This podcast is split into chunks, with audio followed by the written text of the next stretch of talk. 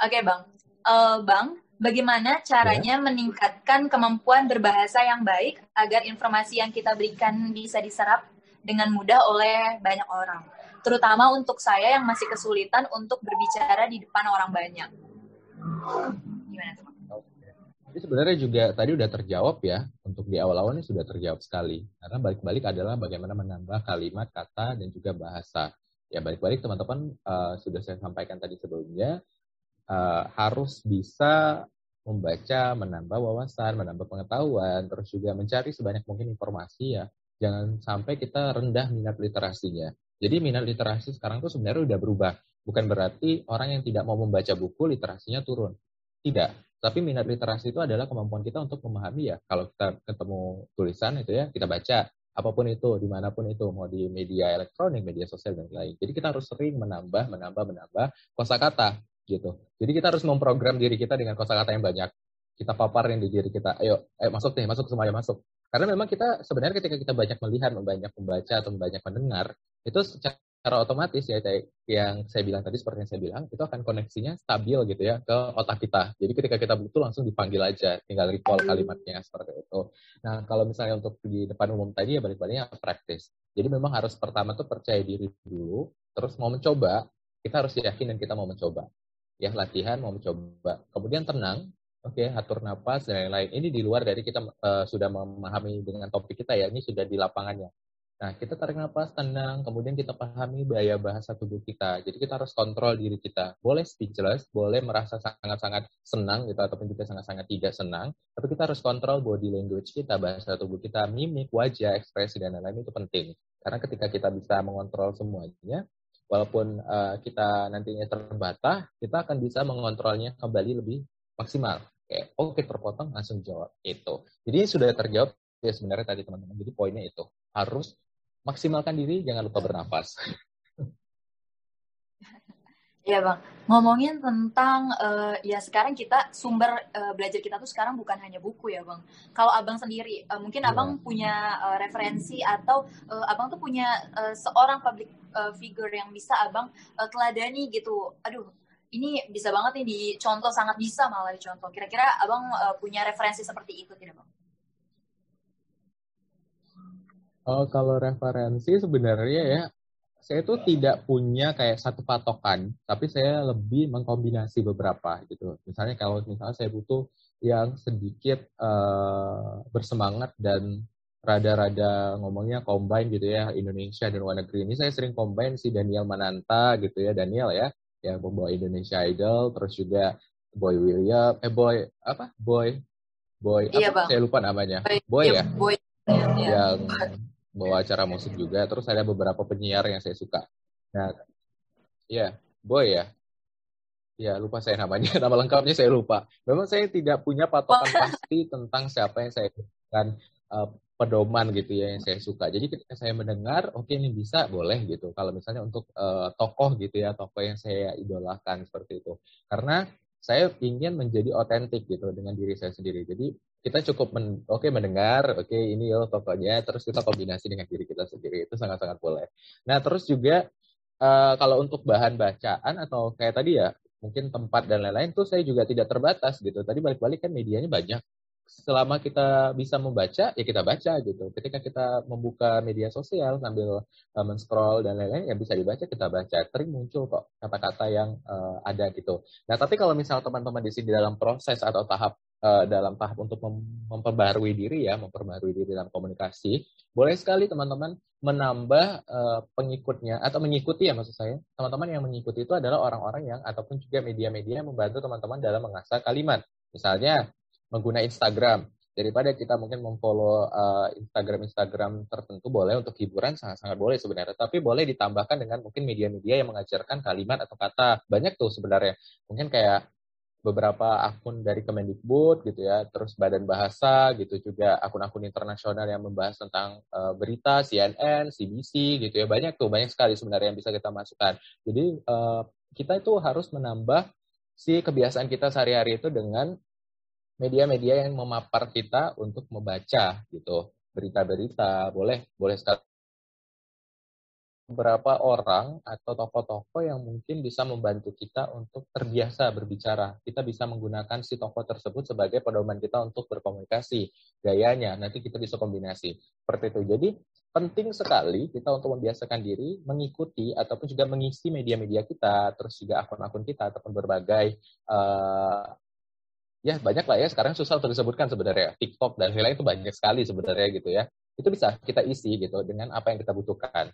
Ya dikombinasi lah dengan hiburan-hiburan boleh juga. Tapi boleh juga untuk rana-rana membaca. Jadi kita sambil menggunakan ya nyambil gitu menggunakan uh, media kita juga sambil untuk membaca belajar dan lain seperti itu. Jadi sebenarnya gampang kalau sekarang ya. Kalau dulu mungkin harus buku banyak ya textbook gitu ya harus buku buku buku. Kalau sekarang banyak teman-teman bisa gitu. Tinggal dikombinasi aja ya gitu. Iya betul bang. Autentik tadi itu benar-benar um, apa ya bang? Poin banget sih bang. Kita ya belajar dari orang kita belajar dari public figure ini membaca ini membaca itu tapi tetap menjadi diri kita sendiri. Bukan berarti kita melihat orang lain dan harus seperti itu. Betul ya bang? Poin pentingnya adalah menjadi benar, diri kita sendiri. Benar. Iya. Jadi diri sendiri. Itu penting.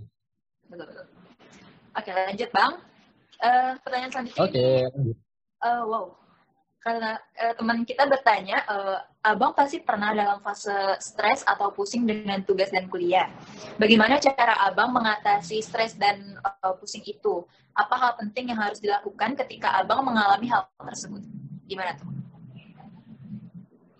Oke, kalau ditanya pernah tadi di pertama saya udah bilang, saya sering juga kelabakan ketika harus manajemen waktu. Pasti ya, setiap manusia selama hidup dan masih bernafas, stres, tuntutan hidup, kegiatan, terus capek, lelah, dan lain-lain itu pasti ada. Tetapi baliknya tadi ya, satu yang sudah saya jelaskan juga tadi, adalah kita harus menjalannya pakai hati. Terus juga mengafirmasi diri dengan positif. Oke, saya melakukan ini untuk apa, dan saya yakin saya bisa. Karena kalau misalnya di sini dan di sini sudah ngikut, insya Allah semuanya lancar gitu. Nah, ketika stres atau ketika saya merasa oke okay, aku capek dan lain-lain, ya kita manfaatkan waktu. Balik-balik itu sebenarnya harus manfaatkan waktu. Ketika memang kita harus istirahat, kita istirahat.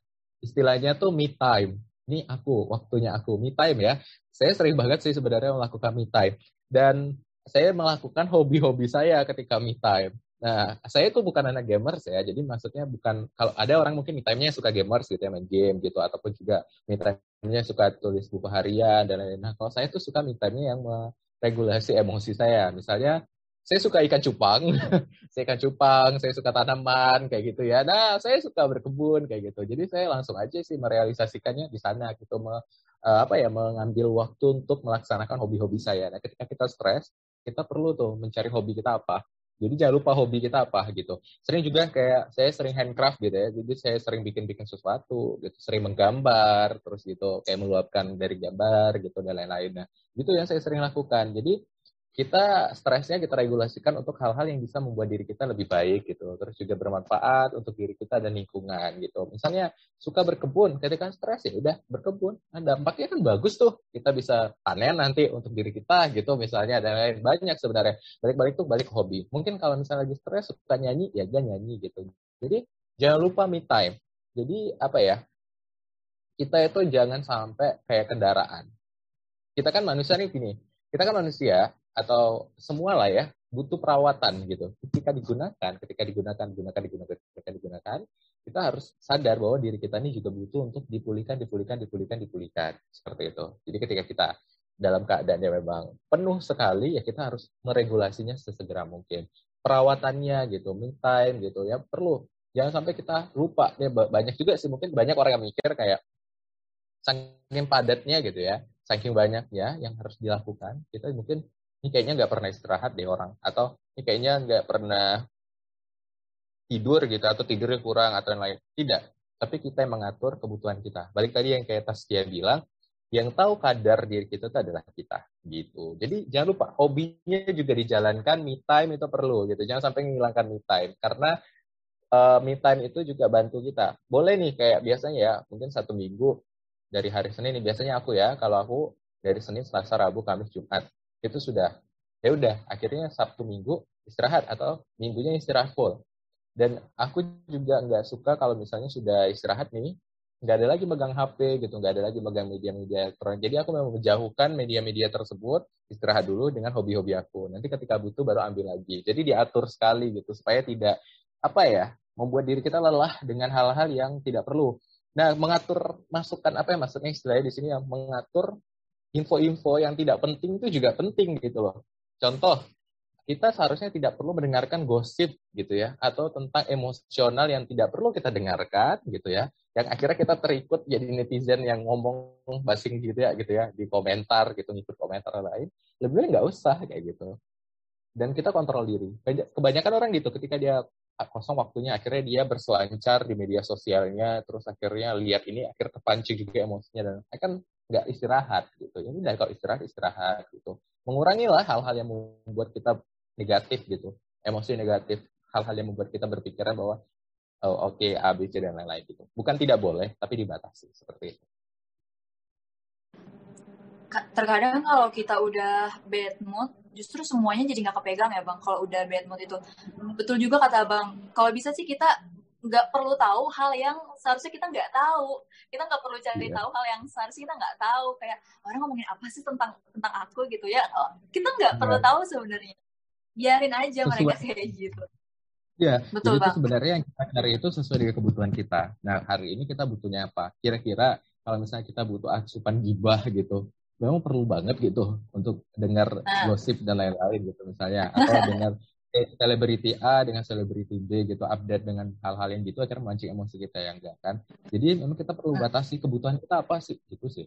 Kalau nggak perlu-perlu banget untuk didengarkan atau dicari informasinya, ya udah nggak usah kayak gitu tapi jangan juga dibatasi sekali karena di situ juga kadang banyak hal positif yang kita belajar ya mungkin ada hal negatif kayak ujaran kebencian yang kita baca terus akhirnya kita ngikut juga menghujat jangan tapi kita ada ujaran kebencian kita belajar oh jangan sampai aku kayak gini gitu jadi mengambil sisi negatif dari yang positif. Eh dari uh, ambil sisi positif dari yang negatif kebalik saya ngomong. Iya kebalik saya ngomong. Dari uh, yang negatif gitu ya. Tidak perlu membatasi terlalu juga. Tapi kalau memang waktunya istirahat ya udah jangan gitu. Jangan ada lagi yang mengganggu kita. Udah istirahat dulu. Betul bang. Bahkan uh, berada di uh, tanda kutip lingkungan toksik juga itu memper, uh, mempengaruhi kita nggak sih bang? Berada di lingkungan toksik kayak gitu. Pasti ya mungkin uh, bagi um, apa ya sudut pandang lain itu uh, suatu hal yang ya nggak apa-apa asalkan kita nggak ngikut-ngikut kayak gitu. Tapi di sudut pandang lain ya justru ini nih kayaknya ini deh poinnya yang bikin nambah beban kayaknya kayak gitu deh bang itu juga mempengaruhi ya bang lingkungan kalau bisa kita berada di lingkungan yang membangun Nah, benar. Jadi kalau lingkungan toksik itu sebenarnya terkadang mungkin baliknya ke kita. Memang ada orang-orang yang bisa bertahan di lingkungan toksik tetap dengan konsisten diri dia sendiri. Tetapi terkadang kita juga tanpa sadar itu mempengaruhi kita gitu. Kalau kita diam gitu ya, kita memang nggak ngikut itu dalam lingkungan toksik tersebut, tapi karena kita mengamati, mengobservasi, cara tidak sadar tuh terkadang masuk gitu. Nah itu juga tidak baik. Lebih baik kita membatasi diri ketika memang lingkungan tersebut sangat-sangat toksik untuk kita, walaupun kita sudah kebal gitu ya, atau kita sudah terbiasa, tapi lambat-lambat biasanya biasa ya biasanya ini ya suka tertarik gitu. Atau lebih baik kita mencari lingkungan yang bisa membangun kita menjadi lebih baik gitu itu penting tes itu benar sekali karena kalau misalnya lingkungannya sudah negatif terus juga kita udah lelah ya udah jadi berantem gitu ya diri kita berantem dengan diri kita sendiri oke ini aku lelah yuk istirahat aduh aku mau baca ini aku mau dengar ini gitu. iya. jadi banyak sekali gitu paling suka ya bang paling suka uh, ngomel sama diri sendiri ya bang udah dong istirahat dong kasihan gitu kasihan besok lagi ya, Ya benar-benar. Itu sampai ada yang bikin konten kan. Itu kalau nggak salah ada yang bikin konten kayak gitu. Konten yang tentang suara hati organ tubuh gitu ya. Benar ya? Iya betul. Mungkin ada suara hati iya, organ tubuh. Si otaknya bilang, oke okay, kita tuh harusnya organ tubuh bilang harus istirahat. Otaknya bilang, aku lagi mau baca ini dan lain kayak gitu. Jadi kita yang harus kontrol iya. Yang punya tubuh kita loh. Iya. Gitu. Jadi kita harus kontrol. Bahkan me time yang tadi abang uh, jelaskan itu Eh, nggak uh, perlu nunggu stres ya bang kalau kita ada waktu luang pun ya kita kalau bisa me time jangan nunggu hmm. stres hmm. betul nggak bang bahkan benar, bahkan benar. me time nya abang dia positif banget berkebun lalu membuat uh, art kayak gitu melihara cupang. Ih lucu banget bang itu. Wah masya allah. jadi memang kalau kalau di rumah nih sekarang lagi banyak cupang ya karena semenjak pandemi ini aku lagi kecil suka pelihara cupang gitu. Semenjak besar ini gede gitu ya pas pandemi ya udah aku ambil cupang lagi gitu. Suka liatin cupang berenang gitu gitu gitu lah ya sambil me time-nya gitu. Jadi memang nggak perlu harus tunggu stres ya teman-teman. Bikin aja atau buat gitu minimal satu minggu itu satu hari aku me time atau satu minggu itu 30 menit aku me time dan lain-lain gitu. Itu ada paket ya kayaknya Taskia ya? Mohon maaf abang mohon maaf itu gak apa-apa. Gak apa-apa. Ada iklan okay. buat bang apa-apa ya. Oke. Ya. Alhamdulillah ada iklan ya bang. Sponsor kita bisa lanjut ke pertanyaan selanjutnya ya bang. Boleh boleh oke okay, bang. Uh. oke okay, uh, eh, mau tanya penting tidak sih uh. komunikasi yang baik dan menggapai impian kita? Eh, dan apakah komunikasi merupakan salah satu contoh kunci utama dalam menggapai cita-cita dan komunikasi seperti apa yang harus dilakukan? Kayak gitu bang. Mungkin ada yang cita-citanya uh, mungkin nggak banyak uh, berada di depan banyak orang gitu bang tapi perlu nggak sih komunikasi buat mereka-mereka yang nggak perlu berada di banyak orang ini? Dan komunikasi seperti apa? Kayak gitu.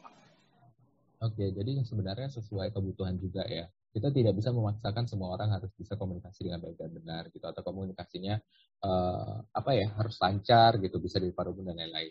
Nah yang paling penting itu kita juga nih sebagai teman-teman yang mungkin punya kemampuan lebih ataupun juga punya style di bidang itu kita juga jangan hanya memenuhi diri kita, tapi kita harus menyadari lingkungan kita juga. Itu. Ini tadi ini sedikit apa ya masukan ya mungkin. Jadi teman-teman yang sekiranya terbatas dalam komunikasi kita harus mengerti. Jangan pula kita yang ikut-ikutan tersinggung gitu ketika dia ngomongnya salah gitu. Nah, karena mungkin kan gitu ya apa yang ingin dia sampaikan. Nah kalau misalnya ditanya perlu tidak komunikasi untuk mencapai cita-cita kita, kalau saya pribadi ya mungkin teman-teman bakalan setuju perlu gitu. Karena untuk menggapai cita-cita kita nih ya, untuk menggapai apa yang kita impikan, kita perlu mengkomunikasikannya, bukan gitu. Saya ini mau menjadi seperti apa gitu, sesuai dengan bidangnya juga gitu. Nah, kebetulan kalau saya di bidangnya kan uh, saat ini saya mahasiswa psikologi. Jadi sangat-sangat perlu saya memenuhi diri untuk bisa berkomunikasi dengan baik karena sesuai dengan bidang dan profesi saya seperti itu. Nah banyak mungkin teman-teman kayak dari biologi gitu ya untuk bidang-bidang tertentu ataupun uh, bagian-bagian tertentu saat menulis dan lain-lain itu juga sangat-sangat perlu. Jadi bidang komunikasi ini sendiri tidak hanya uh, apa ya komunikasi bicara publik gitu ya atau komunikasi depan umum, tapi komunikasi dalam bentuk apa pun itu komunikasi dalam media sosial, komunikasi dalam bentuk tulisan, komunikasi dalam bentuk lainnya itu sangat-sangat perlu dibangun gitu. Karena itu yang akan menunjang kita. Mungkin bisa jadi ada orang yang tidak terlalu banyak ngomong gitu ya, atau tidak terlalu suka untuk menjadi pusat perhatian seperti yang dia bilang tadi, ternyata dia bisa menulis banyak hal kayak gitu menguapkan gagas dan ide gagasan dan idenya dalam tulisan atau menguapkan gagasan dan idenya dalam media sosial dan lain-lain gitu. Jadi banyak sebenarnya kalau ditanya penting pasti sangat-sangat penting sesuai lagi dengan apa tujuan kita dan apa profesi yang ingin kita capai gitu. Karena ketika kita uh, bisa dalam uh, menukapkan ya komunikasi dalam banyak hal begitu bicara langsung ataupun dalam tulisan tentunya ketika kita akan menggapai cita-cita ataupun dalam cita-cita ini berhubungan dengan orang lain gitu ya, instansi terkait gitu ataupun juga bidang-bidang tertentu, itu akan menjadi pertimbangan besar sekali seperti itu untuk kita diterima. Gitu. Betul Bang. Gitu Balik lagi ke uh, iya betul Bang. Balik lagi ke statement yang tadi ya Bang, kalau saat kita ngelamar kerja lalu kita di interview kita mungkin aja bisa jadi uh, salah satu uh, calon pekerja yang di keep dulu nih karena kemampuan bahasa kita, kemampuan komunikasi yang kita punya. Jadi memang yeah. komunikasi itu sangat penting. Betul, Apa pun yeah. profesi kita nanti uh, komunikasi yeah. itu sangat penting terlepas dari apa pun uh, profesi lalu uh, kita introvert atau extrovert itu sebenarnya pokoknya yang namanya komunikasi penting kayak kayak gitu ya bang ya dan nggak terbatas hanya di sana aja ya bang Iya betul, nggak terbatas hanya di lisan, bahkan yang tulisan juga ya nggak masalah. Justru sekarang banyak kayak penulis-penulis uh, yang kalau di depan umum sama nervous banget, tapi tulisan tulis tulisan tulisannya itu sangat-sangat uh, apa ya bagus-bagus kayak gitu bang. Ternyata ya memang cara kita berkomunikasi itu bukan hanya dari lisan, tapi dari tulisan juga kayak gitu. Ya, Setuju dengan statement karena memang karena memang cita-cita ya teman-teman kalau misalnya saya dapatkan dari lingkungan teman-teman yang sempat melamar kerja dan lain-lain ataupun juga sempat uh, dalam profesi ABC dan lain-lain memang yang pertama itu yang dibutuhkan adalah komunikasi karena balik-balik kita kan berhubungan dengan orang lain, kita berhubungan juga dengan pekerjaan kita seperti apa dan lain-lain gitu ya. Banyak sekali yang harus kita komunikasikan gitu. Menyampaikannya sesuai dengan tujuan. Kalau kita keterbatasan dalam menyampaikan sesuatu, maka hasilnya juga tidak akan maksimal. Misalnya perusahaan bilang, ah kita nyampainya ke dalam si lingkup tertentu salah gitu ya, karena makna kata yang kekurangan gitu ya. Banyak perubahan dan kalimat. Akhirnya seperti itu. Jadi wujudnya tidak nyata gitu. Ketika kita memang banyak sekali dalam komunikasinya baik gitu ya, lebih baik itu dalam kata, kalimat, bahasa dan lain, maka kita bisa mengkomunikasikan segala sesuatunya itu dengan sangat-sangat maksimal gitu, sesuai dengan tujuan yang ingin dicapai. Seperti itu. Jadi setuju sekali dengan apa yang disampaikan Taskia tadi, harus sekali untuk bisa, baik itu komunikasi dalam bentuk apa pun, diusahakan dari sekarang, diperjuangkan, dipelajari lagi, diperdalam lagi, seperti itu. Betul bang. Apalagi sekarang memang udah waktunya kita belajar memang saatnya gitu kita belajar. Kalau nunggu nanti udah keburu waktunya kerja udah keburu waktunya kita interview kayak gitu bang. Itu kalau belajar yang mepet-mepet pasti endingnya saat interview nervous lagi nervous lagi pasti endingnya ya, seperti itu ya bang ya karena kita harus lagi gitu ya ya betul betul betul lanjut bang ada lagi nih pertanyaannya um, bagaimana cara mengkritisi sesuatu hal agar dapat disampaikan dengan baik melalui berbahasa. Mungkin ini kondisinya di forum formal, Bang. Mungkin okay. kayak apa ya? Kita lagi diskusi uh, formal non formal juga mungkin kita juga butuh mungkin perbedaan formal non formal di sini tuh mungkin dari apa ya intonasi kita berbicara lalu bahasa yang kita uh. sampaikan mungkin kayak gitu bagaimana tuh bang cara kita mengkritisi sesuatu gitu Oke, okay. kalau mengkritisi sesuatu ini sebenarnya ini juga riskan juga ya ketika kita harus bisa membedakan kritik sama hanya mencaci gitu. Terkadang ini banyak yang mengkritik tapi ini sebenarnya tujuannya bukan kritik yang membangun. Nah, yang paling penting itu adalah kritikan yang membangun ya. Kalau misalnya penggunaan bahasa itu tadi yang sudah kita sampaikan sebelumnya ya minimal kalau memang harus disampaikan dalam bahasa yang formal ya kita harus formal. Kemudian juga mimik, intonasi, bentuk suara yang harus kita keluarkan ya intonasi itu sendiri terus juga perilaku yang akan kita tampilkan dari ekspresi itu sendiri harus mendukung gitu. Kita maunya ke mana? Jangan sampai ternyata nih terkadang kritikan yang kita sampaikan itu salah dipahami karena kita tidak melihat apa yang kita sampaikan ini sendiri gitu ya dari gaya bahasa tubuhnya dan lain-lain. Terus kita juga tidak melihat kondisi yang kita sampaikan itu bisa menerima atau tidak orang yang kita kritisi gitu. Terkadang ada orang-orang yang kita kritisi itu dalam keadaan yang tidak stabil gitu ya, dalam forum formal biasanya, dalam diskusi debat dan lain-lain. Ya pasti ya perlu gitu. Tapi balik-balik sebelum kritisi uh, dalam forum formal itu biasanya akan ada kesepakatan bersama ya biasanya bahwa kita akan melakukan debat atau kita akan melakukan diskusi yang memang sangat-sangat terbuka gitu ya, sangat-sangat panas sehingga setiap orang tidak harus menyimpan dendam seperti itu. Tapi kalau misalnya dalam forum-forum kecil yang memang kita ingin menyampaikan pendapat kita, ya balik-balik kita harus melihat lagi kondisi yang kita sampaikan dari diri kita sendiri dan juga orang yang bersangkutan. Terkadang orang yang mengkritik itu kan adalah bentuk ketidaksetujuan ya. Biasanya gini ya, banyak orang-orang yang menyampaikan kritik pasti dia tidak setuju dengan statement tertentu gitu. Nah, ketika dia tidak setuju, terkadang ada emosi yang masuk di dalam kalimat tersebut seperti itu. Biasanya orang yang tidak setuju makan menunjukkan emosi yang tidak suka, tidak senang, marah gitu ya. Ini tidak setuju gitu ya. Kegiatan-kegiatan ataupun bentuk emosi yang menentang gitu. Nah, kita harus regulasi. Kita tujuannya mau ngapa sih sebenarnya tidak setuju. Tujuannya ini ingin menyampaikan hal yang lebih baik dengan ini loh masukan dari saya. Oh ini loh arahan dari saya seperti itu. Oke, sudah. Hmm, tadi tadi ya. sudah menangkap kok. Ya. Oh. Dan balik lagi bang, eh, kalau kita uh, mengkritik, kita juga harus sadar diri kalau pendapat kita tuh nggak uh, harus banget kok diterima gitu. Namanya nah. juga diskusi. Yeah kita juga harus sadar diri banyak sekali pendapat banyak sekali sudut pandang. Justru uh, mengkolaborasikan sudut pandang juga uh, adalah pilihan terbaik. Nggak harus sudut pandang diri kita sendiri yang harus diterima. Mungkin itu juga salah satu poin yang perlu disadari dari diri kita gitu ya mak Ya, jadi memang harus mempertimbangkan tadi ya. Balik-balik kalau misalnya kita dalam forum-forum tertentu ya memang harus ada kritik ya. ya. Kita harus sadar juga kalau kita siap juga dikritik seperti itu. Jadi uh, bulak baliknya tadi kayak Taskia sampaikan bahwa uh, hal tersebut tidak harus mentah-mentah harus diterima seperti itu ataupun juga pendapat kita belum tentu bisa kita terima ataupun uh, opini kita yang kita lempar ke forum juga belum tentu akan diterima secara luas. Maka ada kritik seperti itu. Jadi kesadarannya balik ke sana. Tapi yang perlu kita siapkan atau perlu kita sediakan dari diri kita sendiri adalah penyampaiannya tadi gitu bahasa yang digunakan. Makanya perlu menggunakan kalimat-kalimat yang lebih banyak gitu ya, memahami kata-kata ataupun kalimat yang lebih luas sehingga kita bisa mengelaborasi kalimatnya sesuai dengan tujuan kritik itu sendiri gitu.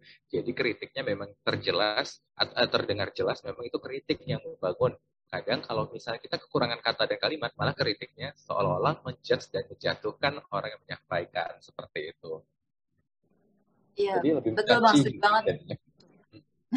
setuju banget dengan abang. Dan um, menurut abang, gestur tubuh dan apa namanya uh, body language juga mempengaruhi nggak sih bang? Kayak kita tuh nggak perlu sampai mukul-mukul apa kayak gitu bang, saking kayak kita tuh nggak setuju banget sama pendapat uh, lawan bicara gitu, yeah. kayaknya nggak perlu sampai uh, mukul-mukul sesuatu kayak gitu. Iya, kadang juga kita tidak ada juga nih yang tidak perlu sampai itu kan sudah kelihatan sekali ya mukul dan lain-lain itu sudah kelihatan.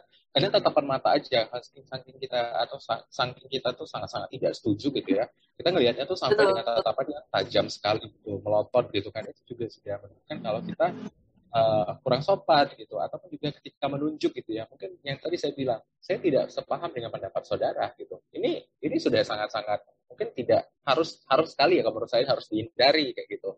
Jadi hal-hal yang mungkin menunjukkan kalau kita tidak setuju mata julid gitu ya julid itu ngelihatnya atau apa gitu hal-hal yang menunjukkan ketidaksenangan kita tuh kita harus kontrol gitu. jadi kita uh, menyampaikan dan orang yang mendengarkan itu tahu poin yang kita inginkan itu adalah apa gitu jadi tidak fokus dengan apa yang terlihat seperti itu Betul bang, setuju banget. Bahkan yang gak harus dari ya anggota gerak aja, bahkan mata sekalipun benar-benar mengintimidasi juga jangan sampai ya bang, jangan sampai benar-benar mengintimidasi matanya. Betul bang. Kita bisa lanjut ke pertanyaan yang lain ya bang. Oke. Okay. Um, gimana sih kiat untuk meningkatkan bahasa yang baik dan benar? Bahasa nih bang. Kalau meningkatkan bahasa ya balik-balik kita harus menambah tadi ya bahasa kita gitu yang harus ditambah atau balik-balik kita nggak ada lagi cara tidak ada cara lain untuk meningkatkan bahasa kecuali dengan cara kita uh, apa ya uh, menambah, sering membaca, sering mengasesmen gitu ya, ataupun sering mengkaji, mengkaji dan terus melihat informasi-informasi terbaru itu penting. Itu satu kunci kalau ingin meningkatkan bahasa dan juga uh, apa ya kalimat yang baik dan tepat ketika digunakan di forum. Jadi ketika kita sering mengasesmen tadi ya, sering mencari informasi-informasi yang berhubungan gitu ya. Jadi kita tahu nih ketika kita harus menggunakan bahasa A seperti apa. Jadi bisa kita kondisikan dengan keadaan yang baik dan benar seperti itu. Jadi memang jangan tertutup jangan menutup diri untuk terus membaca, jangan jangan menutup diri untuk terus mencari informasi karena itu sangat penting untuk menambah wawasan dan juga uh, gaya atau kalimat bahasa kita nantinya seperti itu. Jadi gini bang, pertanyaan terakhir yang di tempat kali dan ceplosan memakai bahasa daerah. Kira-kira gimana ya untuk meminimalisir uh, keadaan tersebut? Gimana ya bang? Oke, jadi sering tercampur ya atau sering keceplosan menggunakan bahasa daerah. Ya memang karena balik-balik kita kan lahir dan mendengar menggunakan bahasa ibu masing-masing ya. Bahasa ibu di sini adalah bahasa yang kita gunakan sehari-hari di rumah. Bahasa yang kita sering gunakan sehari-hari di lingkungan seperti itu. Nah semakin sering kita gunakan maka semakin sering juga kita terbawa gitu ya. Karena kebiasaan balik-balik kebiasaan tadi kan ngomong uh, maaf gitu. Kalau di Jambi kan ada istilahnya bahasa Melayu Jambi iyo, ado. Nah, kadang kalau misalnya uh, terkadang ya kalau misalnya dalam forum-forum mahasiswa saya tidak setuju atau yo yo da. Nah, kayak gitu-gitu kan. Banyak tuh, banyak sekali kalimat-kalimat yang tercampur gitu. Nah, itu memang teman-teman harus kontrolnya tadi sih gitu. Kita boleh menggunakan jadi itu mensesuaikan sih sebenarnya mensesuaikan uh, sesuai dengan porsi dan tempatnya dalam forum itu. Kalau misalnya teman-teman sering melakukan hal tersebut ya praktis ya membuat apa praktis neck perfect gitu ya. Jadi kalau misalnya sekali dua kali salah keceplosan nggak masalah tapi teman-teman belajar untuk bisa menggunakannya dengan baik. Karena memang cukup sulit kalau meninggalkan kebiasaan bahasa ibu gitu ya. Uh, seperti orang Jakarta mungkin ya kalau di Jakarta kan lebih lo gua lo gua lo gua dalam forum formal terkadang juga terbawa lo gua lo gua gitu ataupun eh, bahasa-bahasa uh, yang mencampurkan gitu ya. Nah itu juga sebenarnya balik-balik kita berusaha gitu. Kita sudah berusaha untuk berusaha, uh, maaf maksud saya kita sudah berusaha untuk mengeluarkan bahasa semaksimal mungkin sesuai dengan kondisi lingkungan kita butuhkan. Nah kalau misalnya sering keceplosan, itu biasanya kita sedikit jarang gitu atau kita tidak pede. Nah, ini balik nih, kadang juga ada nih yang tidak pede dengan apa yang dia sampaikan, akhirnya dia tidak fokus dengan katanya atau malah dia fokusnya dengan kalimat yang keluar gitu. Ataupun juga nih, kebanyakan ada orang yang tidak pede, akhirnya dia fokus ya dia tidak fokus dengan kata yang akan dikeluarkan, tapi dia fokusnya dengan eh dia tidak fokus dengan kalimatnya gitu. Seperti itu. Jadi dia tidak menguasai topik. Nah, biasanya juga sering tuh kalau misalnya dia tidak menguasai topik, dia tidak menguasai materi dengan baik, terus pas menyampaikan dia grogi, tadi kontrol dirinya lepas gitu ya, dia berusaha untuk maksimal nih dengan bahasa Indonesia yang baik dan benar dalam forum tertentu, kelepasan gitu, akhirnya ngomongnya ada bahasa daerah gitu. Nah, ketika teman-teman kelepasan dalam bahasa daerah, balik-balik itu teman-teman tidak apa-apa sebenarnya. Itu kan dalam proses belajar, dalam proses uh, menjadi lebih baik gitu ya dalam komunikasi. Bilang aja maaf gitu, maaf maksud saya atau uh, tunggu sebentar atau apa gitu. Ya, intinya lebih tenang. Karena kalau teman-teman tidak tenang, teman-teman akan sering keceplosan bahasa-bahasa yang daerah gitu ataupun bahasa-bahasa yang berhubungan dengan bahasa ibu teman-teman gitu. Jadi kalau misalnya pas ngomong, uh, yo maksud saya, ah iya, maaf maksud saya gitu, atau apa gitu, tidak apa-apa gitu. Kita kan dalam proses belajar seperti itu. Tapi terkadang kelupaan teman-teman itu adalah, ini saya sering lihat juga teman-teman saya, ketika dia sudah keceplosan ngomong bahasa daerah, dia panik gitu loh. Akhirnya dia uh, lepas kontrol gitu, langsung aja dia ngomong. Atau kadang dia jadi kebingungan, akhirnya dia lupa dengan materi yang akan disampaikan karena dia tadi panik karena uh, apa ya uh, si bahasa daerah ini keluar gitu. Jadi lebih ke situ sih kalau menurut saya kontrol, kemudian tenang, kemudian pahami topiknya. Kalau memang ada kalimat satu dua kali ya tidak masalah gitu. Kalau memang dalam proses belajar semaksimal mungkin sering dilatih gitu. Kalau tips dan triknya seperti itu. Karena memang susah menghilangkan kebiasaan bahasa daerah gitu. Sayang sekali bang. Pengennya lanjut terus nih ngobrol sama abang. Tapi mengingat waktu dan ya. juga uh, pertanyaan dari teman-teman juga udah habis nih bang. Oke, jadi untuk penutup, kira-kira abang ada pesan atau uh, apa ya uh, semangat yang untuk memotivasi kita kita nih pendengar bio podcast bang? Boleh disampaikan bang? Silahkan. Intinya teman-teman satu hal ya mungkin selalu saya tanamkan dan mungkin teman-teman bisa gunakan.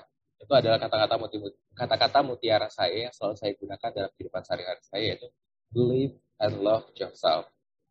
Percaya dan cintai diri kamu gitu. Jadi ketika kita percaya dan yakin akan diri kita dan kita cinta akan diri kita, pasti apa pun hal-hal luar biasa yang ke depannya akan kita dapatkan itu luar biasa banyak gitu. Karena ketika kita yakin dan cinta sama diri kita, kita yakin bahwa kita mampu dan kita yakin bahwa kita bisa dan kita yakin bahwa diri kita ada untuk kita. Dan kita juga jangan lupa ketika kita menggunakan diri kita, ketika kita mengasah diri kita dengan banyak hal, kita harus sadar dan peduli juga dengan kondisi diri kita ketika memang butuh waktu untuk istirahat sejenak dan bernafas, berhenti, tarik nafas, oke, okay, baru lanjut lagi seperti itu. Jangan di tekan, jangan di pressure terlalu kuat karena yang tahu kapasitas diri kita adalah diri kita sendiri. Dan untuk penggunaan komunikasi, bahasa dan lain-lain, teman-teman, semua adalah proses, semua adalah siklus seperti itu. Ketika teman-teman ingin belajar dan proses menjadi lebih baik, teman-teman harus sering sekali mencoba, sering sekali untuk bisa, atau sering sekali untuk tidak menolak gitu. Kalau memang diharuskan, ya udah ambil. Karena dari kesalahan, karena dari banyak hal yang kita lupakan, itu adalah pelajaran berarti untuk kita menjadi lebih baik ke depannya. Seperti itu. Wah, itu sangat-sangat memotivasi, sangat-sangat harus dijadikan poin dan referensi untuk pegangan hidup kita. Dan terima kasih sekali saya ucapkan mewakili tim podcast juga tentunya kepada Bang Rido Akbar atas kesempatannya berbagi bersama teman-teman Bio Podcast di sini. Dan semoga semua, semua hal dari awal sampai akhir yang kita bicarakan yang kita obrolkan ini benar-benar bermanfaat untuk banyak sekali pendengar di luar sana. Terima kasih sekali lagi pada Bang Rido. Semoga Abang sehat selalu, dilancarkan semua segala prosesnya, apa pun yang Abang lakukan semoga bermanfaat dan semoga kita segera bisa bertemu ya Bang, biar kita bisa ngobrol-ngobrol lebih banyak Amin. lagi. Okay. Boleh, terima boleh. kasih, terima kasih banyak Abang. Ya, saya terima kasih juga maaf ya bang sama abang kalau selama uh, uh, kita ngobrol-ngobrol dari awal sampai akhir saya ada kata-kata yang kurang berkenan atau ada gestur tubuh mimik muka yang kurang berkenan juga untuk abang. Saya minta maaf. Jadi tadi kita teman-teman ya kita juga sharing ya jatuhnya. Kita tidak ada yang pro dan tidak ada yang profesional sekali di bidangnya, kita terus belajar. Jangan lupa untuk tidak selalu merasa puas dalam sesuatu ya. Jadi terus belajar dan mengasah diri. Jadi kita juga minta maaf sekiranya ada hal-hal yang tadi kurang berkenan atau kiranya ada hal-hal yang menyinggung dari Taskia sendiri, di podcast dan juga teman-teman yang ada di luar sana yang nantinya mendengarkan. Dan ya maklum saya manusia seperti itu ya. Kita boleh nanti diskusi lagi ataupun juga sharing di luar dari ini boleh sekali gitu. Iya bang betul intinya kita manusia tempatnya salah. Dan kalau ada salah bisa dibicarakan baik-baik. Jadi tidak perlu sampai yang besar-besar ya bang. Terima kasih ya bang okay, sekali lagi. ya. dan untuk teman-teman bio podcast bisa bersilaturahmi juga nih dengan bang Rido di media sosialnya abang. Mungkin bisa dikasih tahu bang media sosial abang. Oh boleh. Oh, untuk yang apa nih media sosial Instagram atau boleh bang boleh media sosial yang abang punya lah apa oh oke okay. kalau untuk saat ini sih saya aktifnya di Instagram. Kalau Instagram silakan di follow aja di @ridokberhazer. Kalau misalnya teman-teman mau diskusi, mungkin cerita-cerita ataupun juga curhat-curhat boleh banget gitu ya. Selama saya bisa pasti nanti saya coba untuk membantu. Kemudian juga kalau untuk teman-teman yang uh, ingin ngobrolnya lebih dalam gitu ya ataupun lainnya boleh juga tuh ada WA saya gitu ya boleh kalau misalnya mau langsung aja di video Instagram saya bisa diklik di sana seperti itu. Dan itu aja sih kalau misalnya teman-teman butuh dan lain-lain boleh langsung komunikasi. Untuk sharing ya jangan sungkan. Kalau bisa pasti saya coba bantu kita sama-sama belajar. Betul. Sharing-sharing dengan Bang Rido tuh asik banget dan ini uh, suatu kebanggaan suatu kehormatan juga buat saya bisa sharing-sharing sama Abang. Terima kasih banyak, banyak sekali yang bisa saya dapatkan dari Abang. Terima kasih banyak, Bang. Untuk teman-teman pendengar Bio Podcast semuanya, nantikan episode Bio Podcast selanjutnya hanya di channel YouTube Hima Bio FST Unjar. Terima kasih, terima kasih semuanya. Selamat sore, wassalamualaikum warahmatullahi wabarakatuh. Waalaikumsalam warahmatullahi wabarakatuh. Selamat sore.